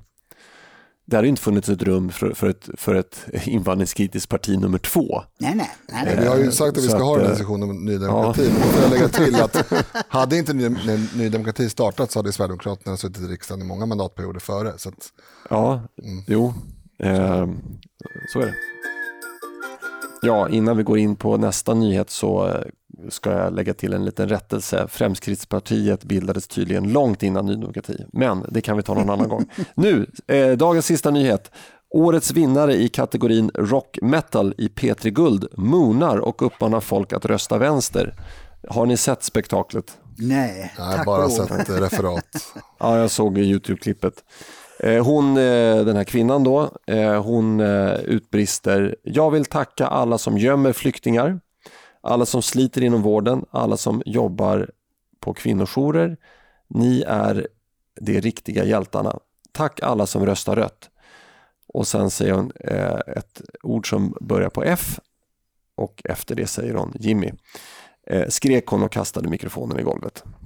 Mm. Eh, tror bara barnsligt alltså. Så, så erbarmligt, ytligt, töntigt, värdelöst. Ja, alltså det är, alltså det, är inte, det är inte en människa som precis har liksom gått igenom en större lobotomi utan det är ju en vuxen person som eh, uppenbarligen, nej, jag, jag vet inte, det är så, det, är- Nej, men alltså, man det har är ett så behov ledsamt. av att, att visa sig själv vara så otroligt godhjärtad och... Ja, alltså, eller, eller oförstående och det, dum. det är kanske. bara ett, eh, alltså alltihopa är, är, alltihopa är egentligen bara en enda sak, egoism. Ja. Egoism i, i minsta detalj. Absolut.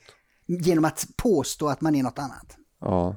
Nej, men jag, jag tycker det är märkligt eh, hanterat av Peter Guld också för att dels att man nominerar de här överhuvudtaget i kategorin rock metal. Eh, jag, det är ju den genren som jag lyssnar på. Ja, absolut. Har du lyssnat på dem någon gång? Aldrig, aldrig talat om dem. Och det Jag var, såg att det var 27 000 eh, visningar på Spotify hade de haft innan Ja, det här. Ja. Precis, och det ska vara punk, det är liksom inte direkt nyskapande. Eh, det, det, finns liksom ingen anledning i världen tycker jag att nominera dem. Och sen eh, en, en kommentar till angående Petri Guld och det är att direkt efter det här har hänt så säger eh, konferencieren Ja, det där sista tar vi naturligtvis avstånd ifrån, men eh, stort grattis till priset. Och, och, om man jämför det här avståndstagandet eh, mellan det hon sa och det som Jimmy Åkesson sa i partiledardebatten. Alltså mm. i partiledardebatten, de bjuds in för att uttrycka sina åsikter. Mm. Det gör inte hon. Hon bjuds in för att ta emot ett pris. Ja, Annie Lööf sa emot Åkesson också i debatten. Så att... ja och, och, och, och, grejen är att Sveriges Television har ju, de det var efter programmet var klart när de har liksom analyserat det här. Då har det liksom, man som tittare så får man ju uppfattning om att det här, det här har tröskats igenom. Det här är Sveriges Televisions jurister som har vid, mm. vänt och vridit på det här. Och sen har de minsann kommit fram till att vi måste fördöma. Eh, eller vi tar avstånd ifrån. Mm. Här var det mer så här, ja det där det tar vi, det tar vi avstånd ifrån mm. naturligtvis. Jaha. Mm. Men stort grattis. Mm. Vi ska inte älta det, men anledningen till att eh, Sveriges Television uppfattade det Jimmy sa som någonting helt annat än vad han sa var ju att just att, att Annie Lööf avbröt. Eh, alltså det, det, var ju, det var ju 100% korrekt det som Jimmy sa. Bara att Annie kom in i mitten och, och liksom sabbade flowet så att ingen förstod ju vad Jimmy sa från alltså meningens fulla längd så att säga. Eh, mm. och därför så trodde ju eh, SVT att han sa något helt annat än vad han gjorde. Och det, istället för att erkänna det och be om ursäkt så liksom, höll de fast vid det. Men det, alltså, det här mm. visar ju att sådana här eh, trams, galor och sånt skräp ska inte vara i public service. Alltså jag tror att de gräver ju verkligen sin egen grav. Både Sveriges Radio och Sveriges Television genom att sända sån här skit. Ja. Och låta sådana här skitmänniskor framträda och ta upp allt utrymme i, i, i, i deras kanaler. Alltså jag, jag, tror att det här är eh, liksom sånt här, eh, nu vet inte jag hur många som tittar, men alltså, det är ju så enkelt att se och förstå. Mm. Det, alltså, man behöver inte vara politiskt intresserad det minsta Nej. för att se att det här är ju förbannad idioti. Ja. Ska vi verkligen betala 8 miljarder för det här? Mm. Ja, exakt. Nej, men eh, som avslutning då, om inte ni hade någon eh, mer infallsvinkel? Nej, det har vi nog inte pratat ut nu. ni kanske hade en take? Jag ja, precis. Jag tänkte att jag skulle säga någonting argt, men jag kan avstå faktiskt. Ja, det ja, tala i silver, tiger. Men, men, men, jag kan lägga till att jag tycker att man, upprördheten, alltså, upp, jag, jag vill poängtera att den berättigade upprördheten har att göra med inte ordval, inte liksom eh, blekvet röv eller någonting sånt, utan att det är betalat med tvångsindrivna skattemedel. Mm. Ja, och, och så här... Ja, hon får naturligtvis tycka så. Det är, det är ja. liksom inte det det handlar om. Nej, Nej men alltså folk får hur dumma huvudet ja. de vill. Nej, och, och då när man, nu, jag har ju nu refererat till mina vänstervänner på Facebook igen och då var det någon som så här skrev att ja, alla SD blev kränkta över det här. Ja, men så här får man inte framföra kritik utan att kalla sig kränkt. Nej, just det. Alltså, mm. nej jag, jag blir inte jätteupprörd eller någonting, men det är bara så här, suck, ja, inte det var, nu igen. Precis, ja. exakt, och det var därför ja. jag ville poängtera det, jag skiter i vad hon tycker. Hon, är helt, hon finns inte för mig, jag vet inte vem det är, jag har aldrig hört bandet. Det är det att det är jag som finansierar det här mm. som är problemet. Ja, och att det är ju, det anledningen att jag reagerar är ju att det här är ju bara ett ytterligare i de miljoner exempel som väller fram dag efter dag efter mm. dag. Det, det, är ju det som är problemet. Liksom. Mm. Men eh, låt mig då göra lite reklam för faktiskt Sveriges just nu kanske bäst säljande metalband. Eh, och kanske till och med bästa, i alla fall av de band som släppte skiva 2019. Mm. De heter nämligen Sabaton och släppte då eh, The Great War, eller Great War, jag kommer inte ihåg vilken. Eh, men, eh, och de var inte ens nominerade. Ett, ett, ett, band eh, som är ungefär lika, de spelar en helt annan typ, men som är ungefär lika tungt, eh, de heter Opeth, de var, de var nominerade och sen var det eh, något annat band också som var lite mer obskyrt i samma liksom metal eh, Eh, samma nivå på tyngd om man säger men, så. P3 har väl kanske då kvoterat så att det måste in ett, ett, eh, ett, ett eh, feministiskt band med rosa kläder på. Ja, jag, jag, kan inte tolka det på annat sätt. om, om det var att de Alltså om, om de inte skulle, alltså Sabaton är ju mer kommersiellt än Opeth. Ja. Mm. De, de, är lite, lite mer, det är fortfarande tungt men det är ändå trallvänligt. Eh, men, eh, och, och, att de kanske inte var nominerade, nominerade därför. Alltså mm. P3 kanske ville ha lite mer smal musik. Men nu var jag faktiskt tvungen att lyssna på de här Arre Arre. Så att de har tyvärr fått en spin extra på Spotify aj, aj, aj. på grund av mig. Då.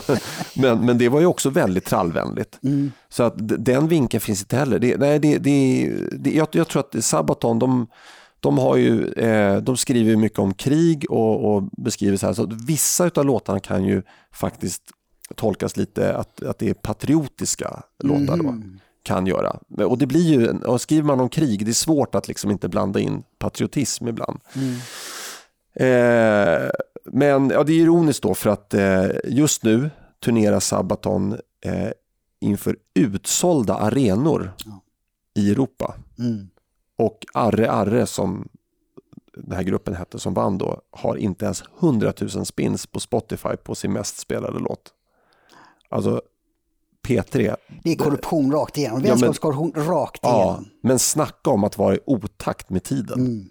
Korruption och obegåvning. Ja, eh, jag ska i alla fall eh, fira helgen genom att eh, åka ner och titta på Sabaton i Berlin.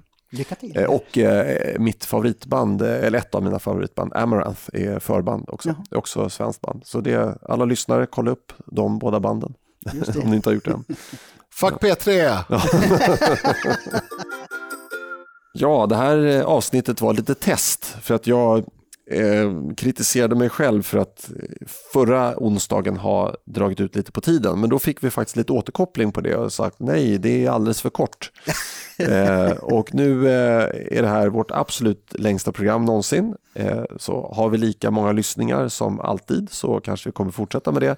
Men får vi färre lyssningar nu eh, på onsdag, eh, eller för det här onsdagsprogrammet, då kommer de framtida onsdagsprogrammen bli markant kortare. Nu vill Linus förlänga det här programmet ytterligare. Mm, jag tror för det första inte att du har rätt, vi har längre avsnitt, men det var tidigare innan vi delade upp podden i två delar. Mm. Då hade vi nog längre av. Ja, det är sant. Det är sant. Ja, det är sant. Bara för, att, för sakens skull, att vi inte ljuger i, i etern. Nej. Eh, men jag skulle också stämma in i det. Jag har fått jättemånga så här. Eh, för det första är det jätteförvånande och gläd, väldigt glädjande att, att vi får så mycket mejl som är liksom rena hyllningarna. Men också att det flera gånger i de här mejlen framkommit att eh, jag får gärna vara lite längre. Och då känner jag så här, herregud. Ja. Vad roligt. Ja, ja nej, men det är ju det. Nej, men det, är ju det. Vi, vi, vi snackar ju på ett, eh, vad, säger, vad säger man det, icke-konstlat sätt så att mm. säga. Det, det, är lätt att lyssna på då kanske. Ja, och jag försöker ju klippa så fort det blir liksom att vi upprepar oss eller... Om det inte är du som att, står för upprepningen då? Eh, ja, men det är bara för att jag blir avbruten hela tiden så att jag inte kan prata till punkt. enda, Sveriges enda podd där programledaren blir avbruten och inte kan slutföra resonemangen. Fortsätt eh, eller börja att kontakta oss på samtidigt samtiden.nu. Tack för idag. Tack för idag. Hej då. Hej.